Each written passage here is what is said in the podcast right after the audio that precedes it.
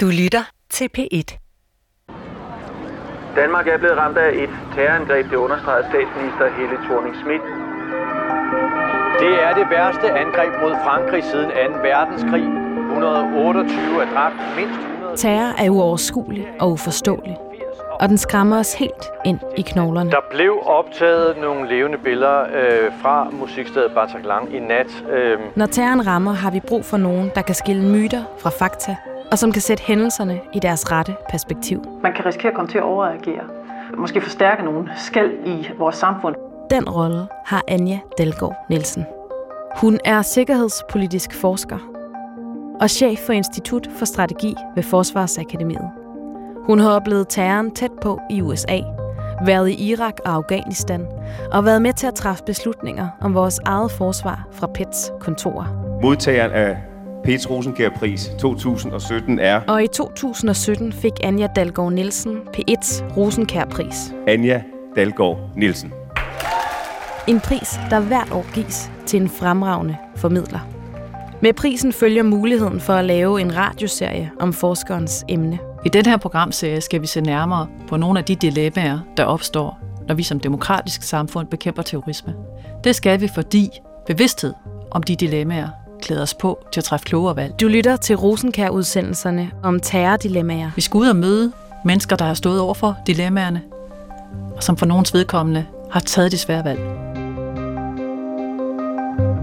Velkommen til andet program om at bekæmpe radikalisering, om balancen mellem at gribe ind for tidligt eller for sent, og om dilemmaet mellem at være ven eller stikker, når man oplever radikalisering.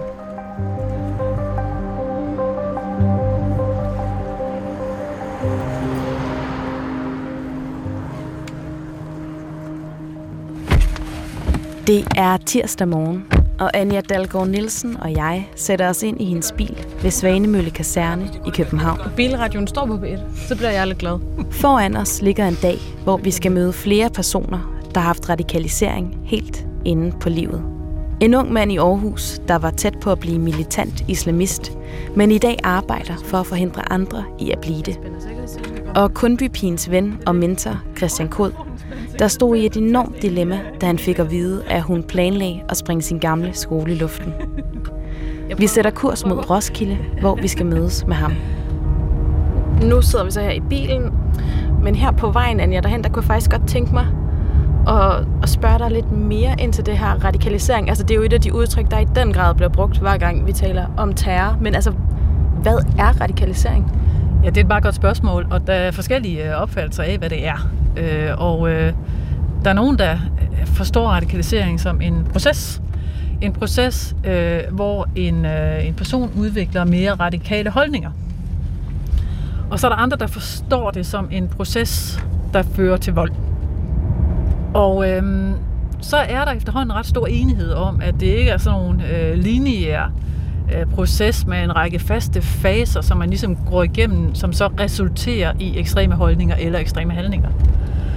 Der er efterhånden i forskningsverdenen en, en øh, forståelse af det her fænomen som en øh, kompleks proces, der både kan løbe frem og tilbage, gå i ring, og som ikke har sådan et fast defineret sæt af faser, hvor man gradvist bliver mere radikal i sine holdninger og sine handlinger. Altså, så man er faktisk gået fra at se det som en linje til at se det som meget mere komplekst, eller hvad? Ja, det er man.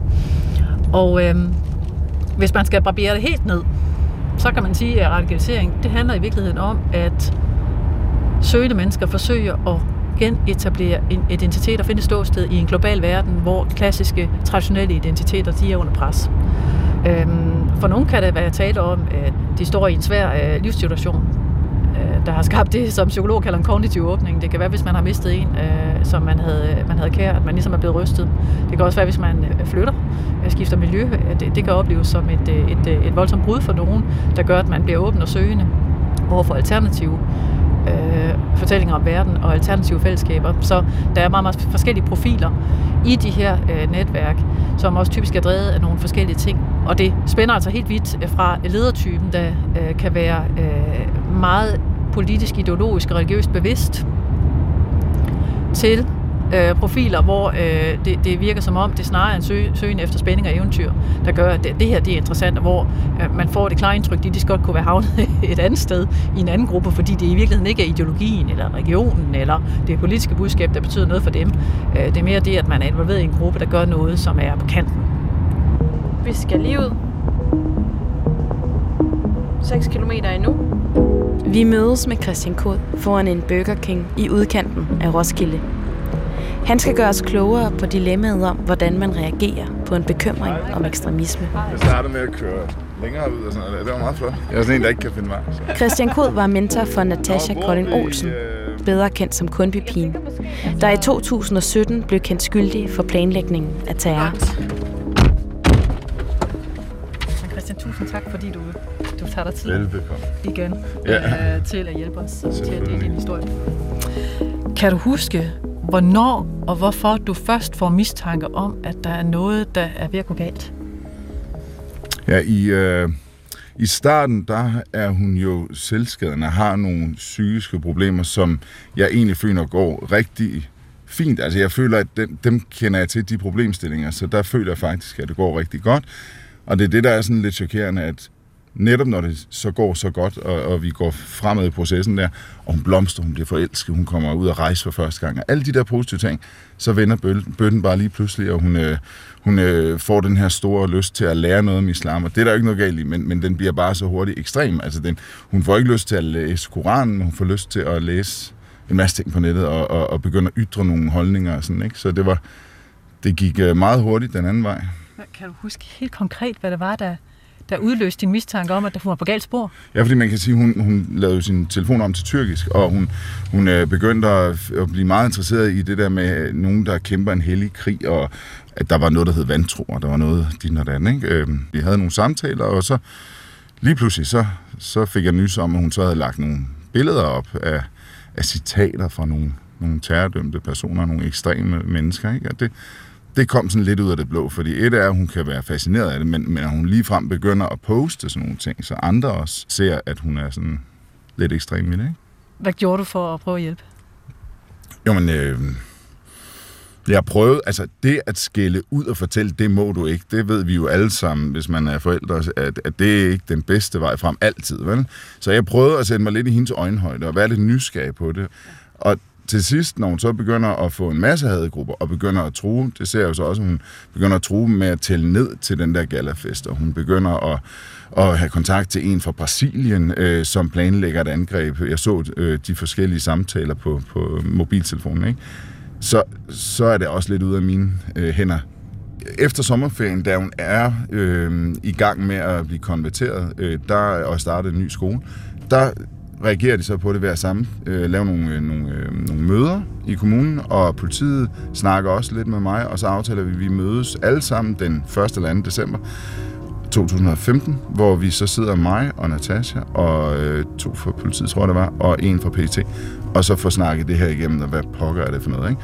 Og der var hun som fantastisk god til at bare lægge en facade på, øh, sådan en dum teenagepige, og hvor de så efter to timer samtale besluttede, der er ikke noget at komme efter her, det er bare sådan en eller anden dum teenage-tanke, den skal nok gå væk igen, ikke? Og det blev jeg lidt frustreret over, at jeg tænkte, er I klar over, hvor voldsomt det er, det hun har gang i? Men da hun så begyndte at spørge om kemikalier, og lige pludselig fik to forskellige telefonnumre på tre dage, det var i starten af januar, så ringede klokkerne og sagde, nu, nu er det nu, at vi skal gøre noget. Ikke?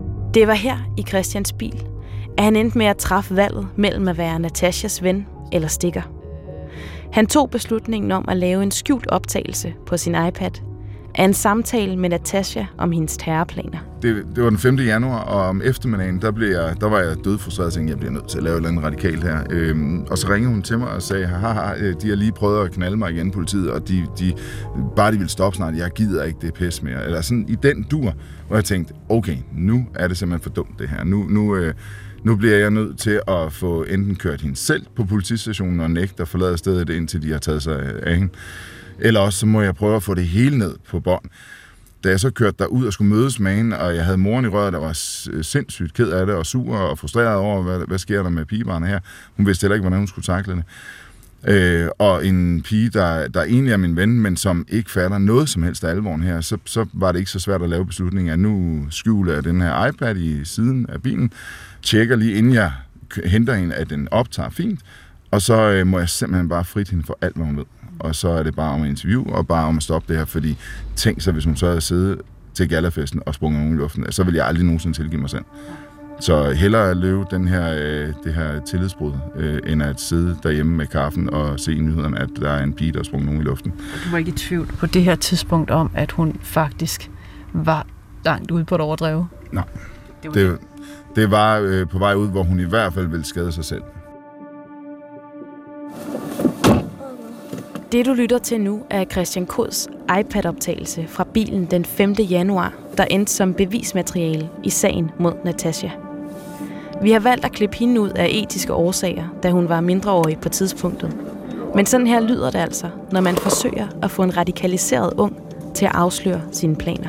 Det var jo om, altså jo, jeg lagde en lille strategi om, at jeg skulle prøve at løbe lidt med hende. Jeg skulle prøve, jeg skulle ikke starte med at sige, nu stopper du det der, eller, eller jeg slader til alle. Det, det handlede om at sige, fortæl mig så, hvad pokker er det, jeg ikke forstår. Fordi der var ham der, du så snakkede med. Og så også være nysgerrig. Altså først, hvad har du? Og du spurgte om, hvordan man skal bombe eller lave attentat.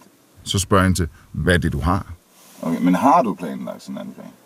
Kan man, kan man trække den videre? Hvor langt kan vi gå med det her?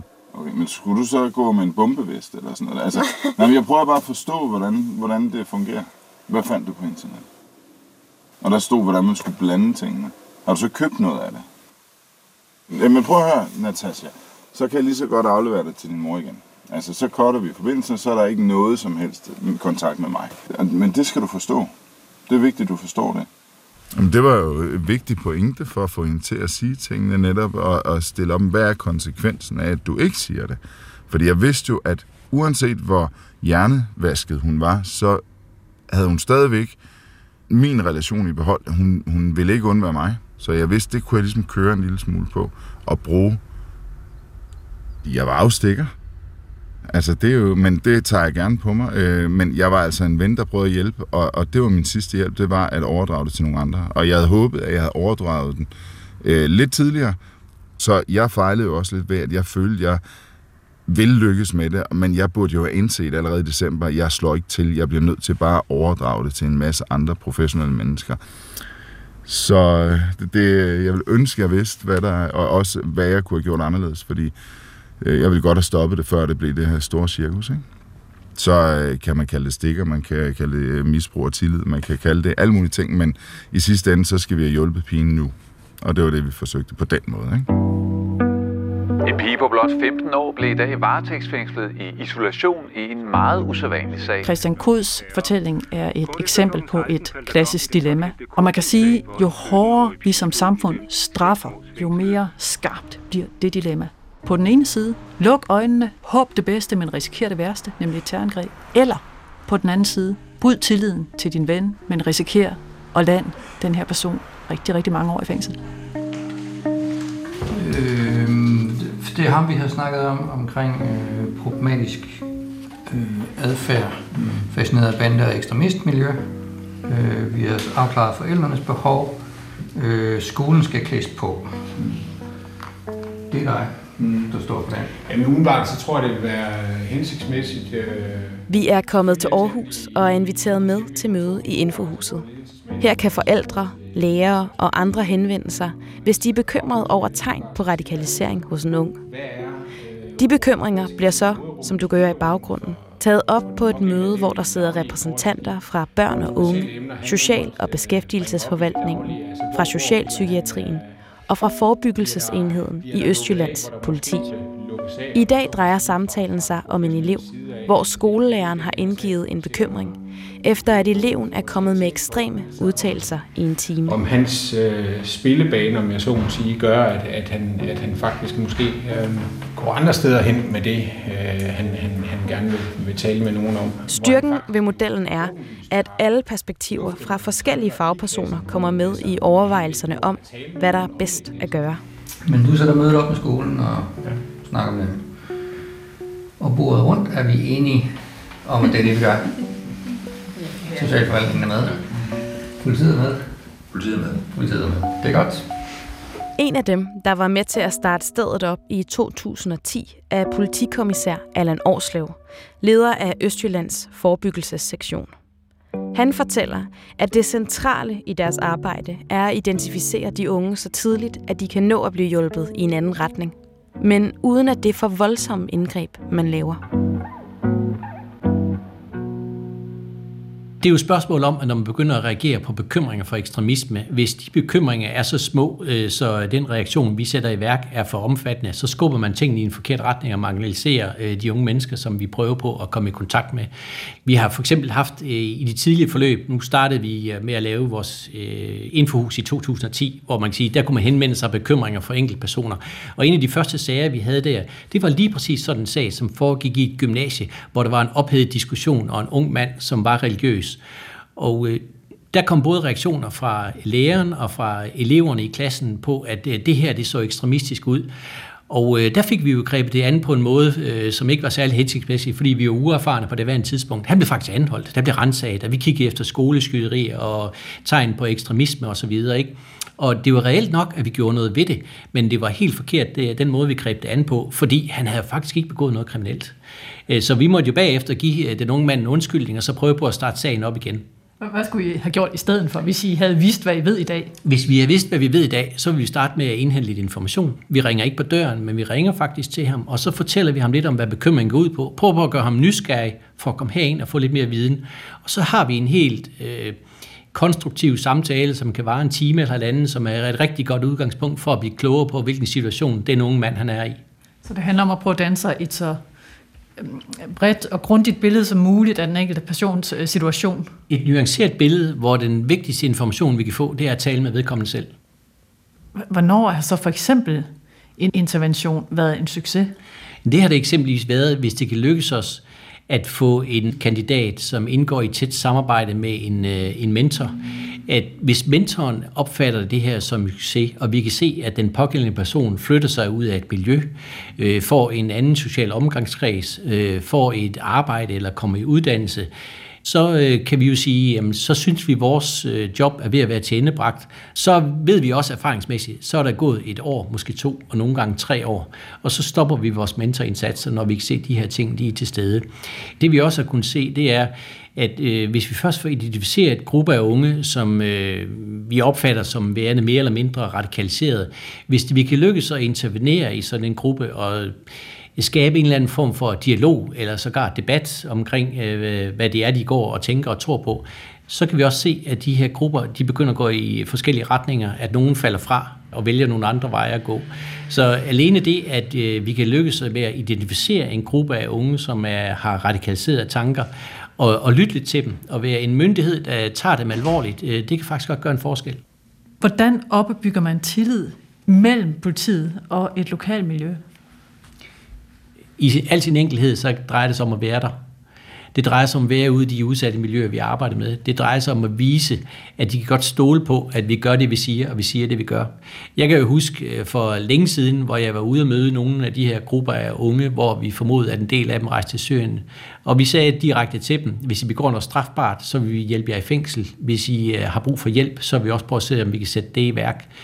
Og, og der er det så lykkedes for os i nogle af de her sager faktisk aktuelt at sende nogle af de unge tilbage til de her miljøer og vise, at de har fået hjælp. De har været en slags levende reklamesøjler øh, for, at man kunne komme her for hjælp. Og det er de så begyndt at gøre? Det, det gør de. Altså, jeg vil sige, vi har haft mindst 500 henvendelser om bekymringer. Nogle øh, meget få alvorlige, og de fleste af et omfang, som man tænker, øh, det, det skal vi nok finde ud af at håndtere. Det lyder ikke så alvorligt, det her.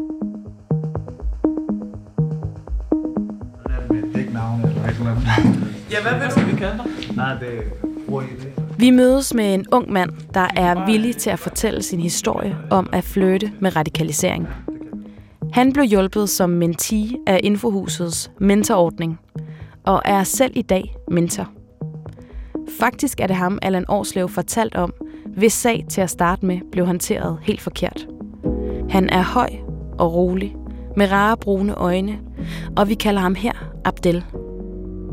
Jeg blev mentee, fordi at jeg i gymnasietiden, nærmere bestemt i NG, har ytret mig meget ekstremistisk øh, i forhold til en ophedet diskussion om islam, hvor jeg følte, at nogle medstuderende var kan man sige, modbydelige i forhold til deres udlægning af min religion.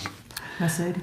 Jamen, de sagde jo alt fra middelalderlig religion til barbariske øh, straffemetoder, og, øh, og jeg tænkte bare, det skal de ikke have lov til. Og der var jeg god til at debattere dengang. Jeg kendte ikke de normale måder at debattere på, så jeg ytrede mig bare øh, virkelig ekstremt og sagde, jamen, øh, stening, det skal du fandme opleve, agtigt, den stil.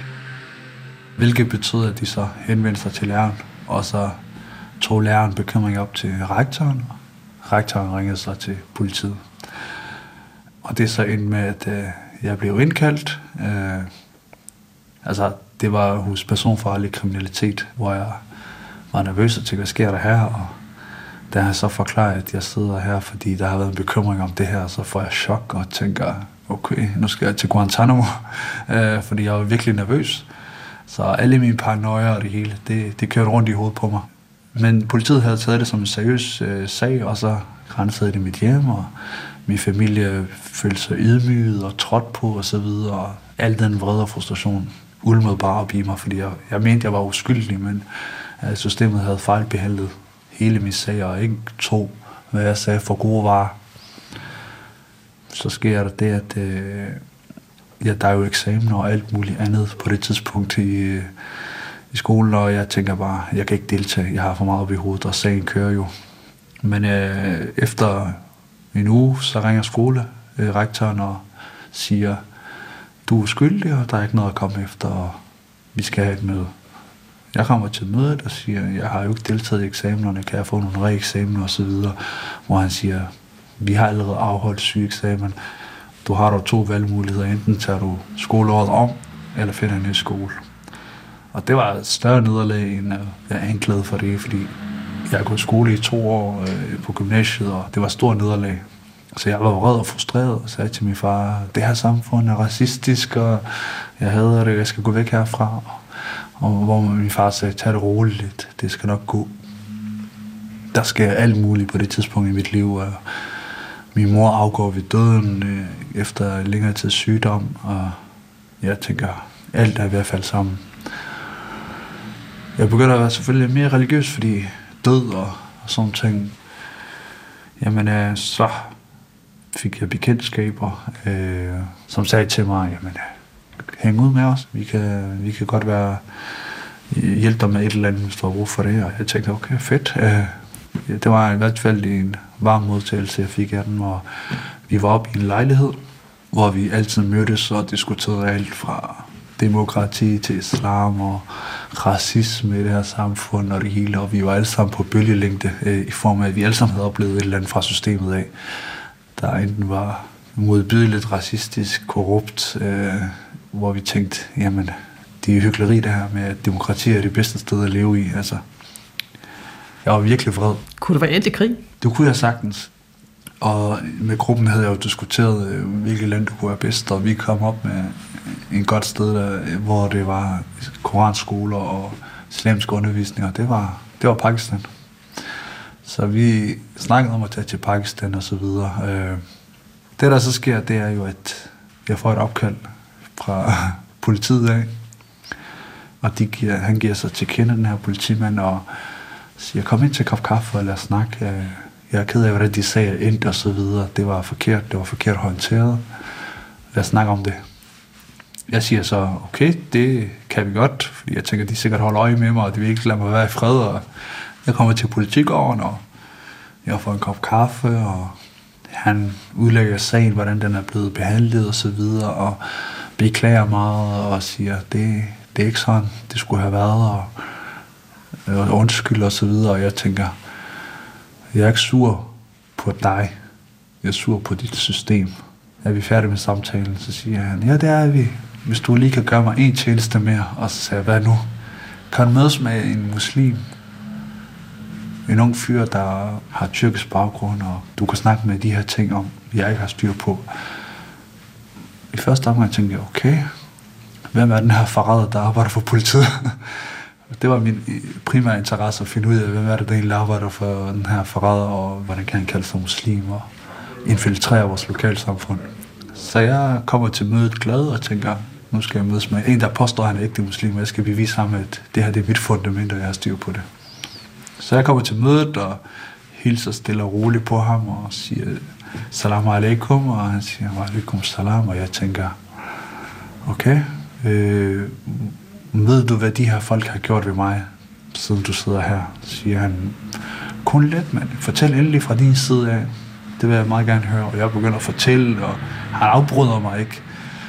Men efterhånden, øh, som jeg begynder at forklare, hvad der er sket, altså jeg går fra højt øh, leje til lidt lavere, fordi jeg tænker, jeg bliver hørt her i det mindste, jeg bliver ikke afbrudt, og jeg bliver færdig, og han siger, det er forkert, det der er sket for dig. Men den du skader, det er kun dig selv.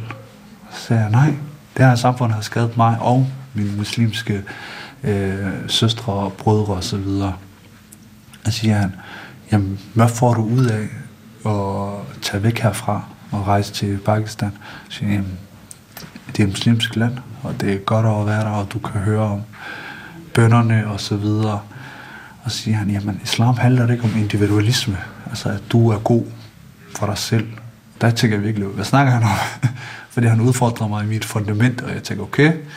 Og jeg siger til ham, jamen, din opfattelse er lidt forkert. Og så videre diskuterede vi frem og tilbage, og, og øh, jamen, så startede mit mentale forløb derfra. Og så tog jeg bare efterhånden, som møderne gik, så tog jeg bare nævnerne ned og tænkte, okay, den her person, han er, han er virkelig oprigtig. Og jeg nød det, kan man sige, frirum til at ytre mig. Altså, alle har noget på hjerte, alle har frustreret over et eller andet, men den måde at kunne komme ud med det på, og få snakket om de her ting, det betød, at jeg ville mødes igen. Fordi det er fandme hårdt at kan man sige, have det i maven og gå rundt med det.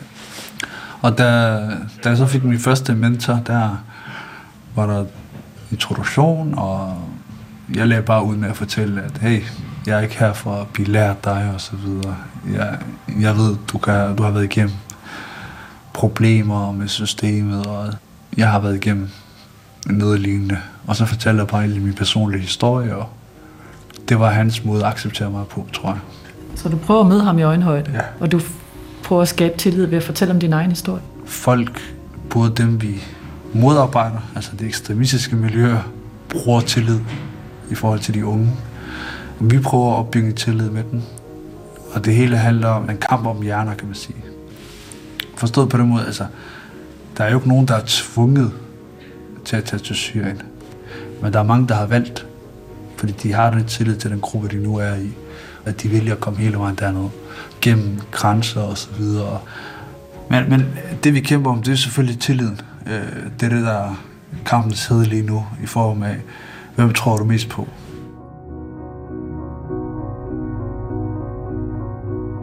Abdels historie og Østjyllands politishistorie er jo i virkeligheden nogle meget fine billeder på, hvorfor viden om radikalisering er så vigtig.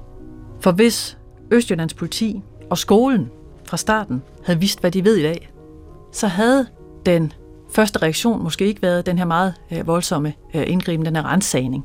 Så havde det måske været den der kop kaffe. Og det er jo et meget fint eksempel på, hvorfor viden om de her komplekse processer er vigtig. Og det understreger så også, at forebyggelse er et vigtigt, centralt våben i indsatsen mod terrorisme. Men ligesom alle andre redskaber, vi har til rådighed, når vi bekæmper terror, så er der ikke noget, der virker hver gang. Og så kan man havne i den situation, hvor man må bryde tilliden og sige, nu er det her ikke længere en forebyggelsessag. Nu er det noget, som er langt mere alvorligt. Nu er det en sag for domstolene. Du har lyttet til andet program af P1's Rosenkær-serie om terrordilemmaer med Anja Dalgaard Nielsen. Jeg hedder Anne Pilegaard Petersen, og i næste uge handler det om mediernes dilemma. Mellem at oplyse om de terrorangreb, der finder sted, uden at man skaber frygt og redsel, og dermed går terroristernes ærne.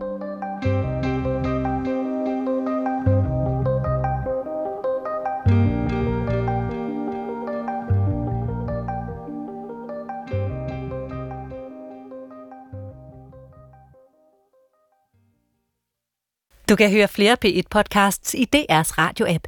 Det giver mening.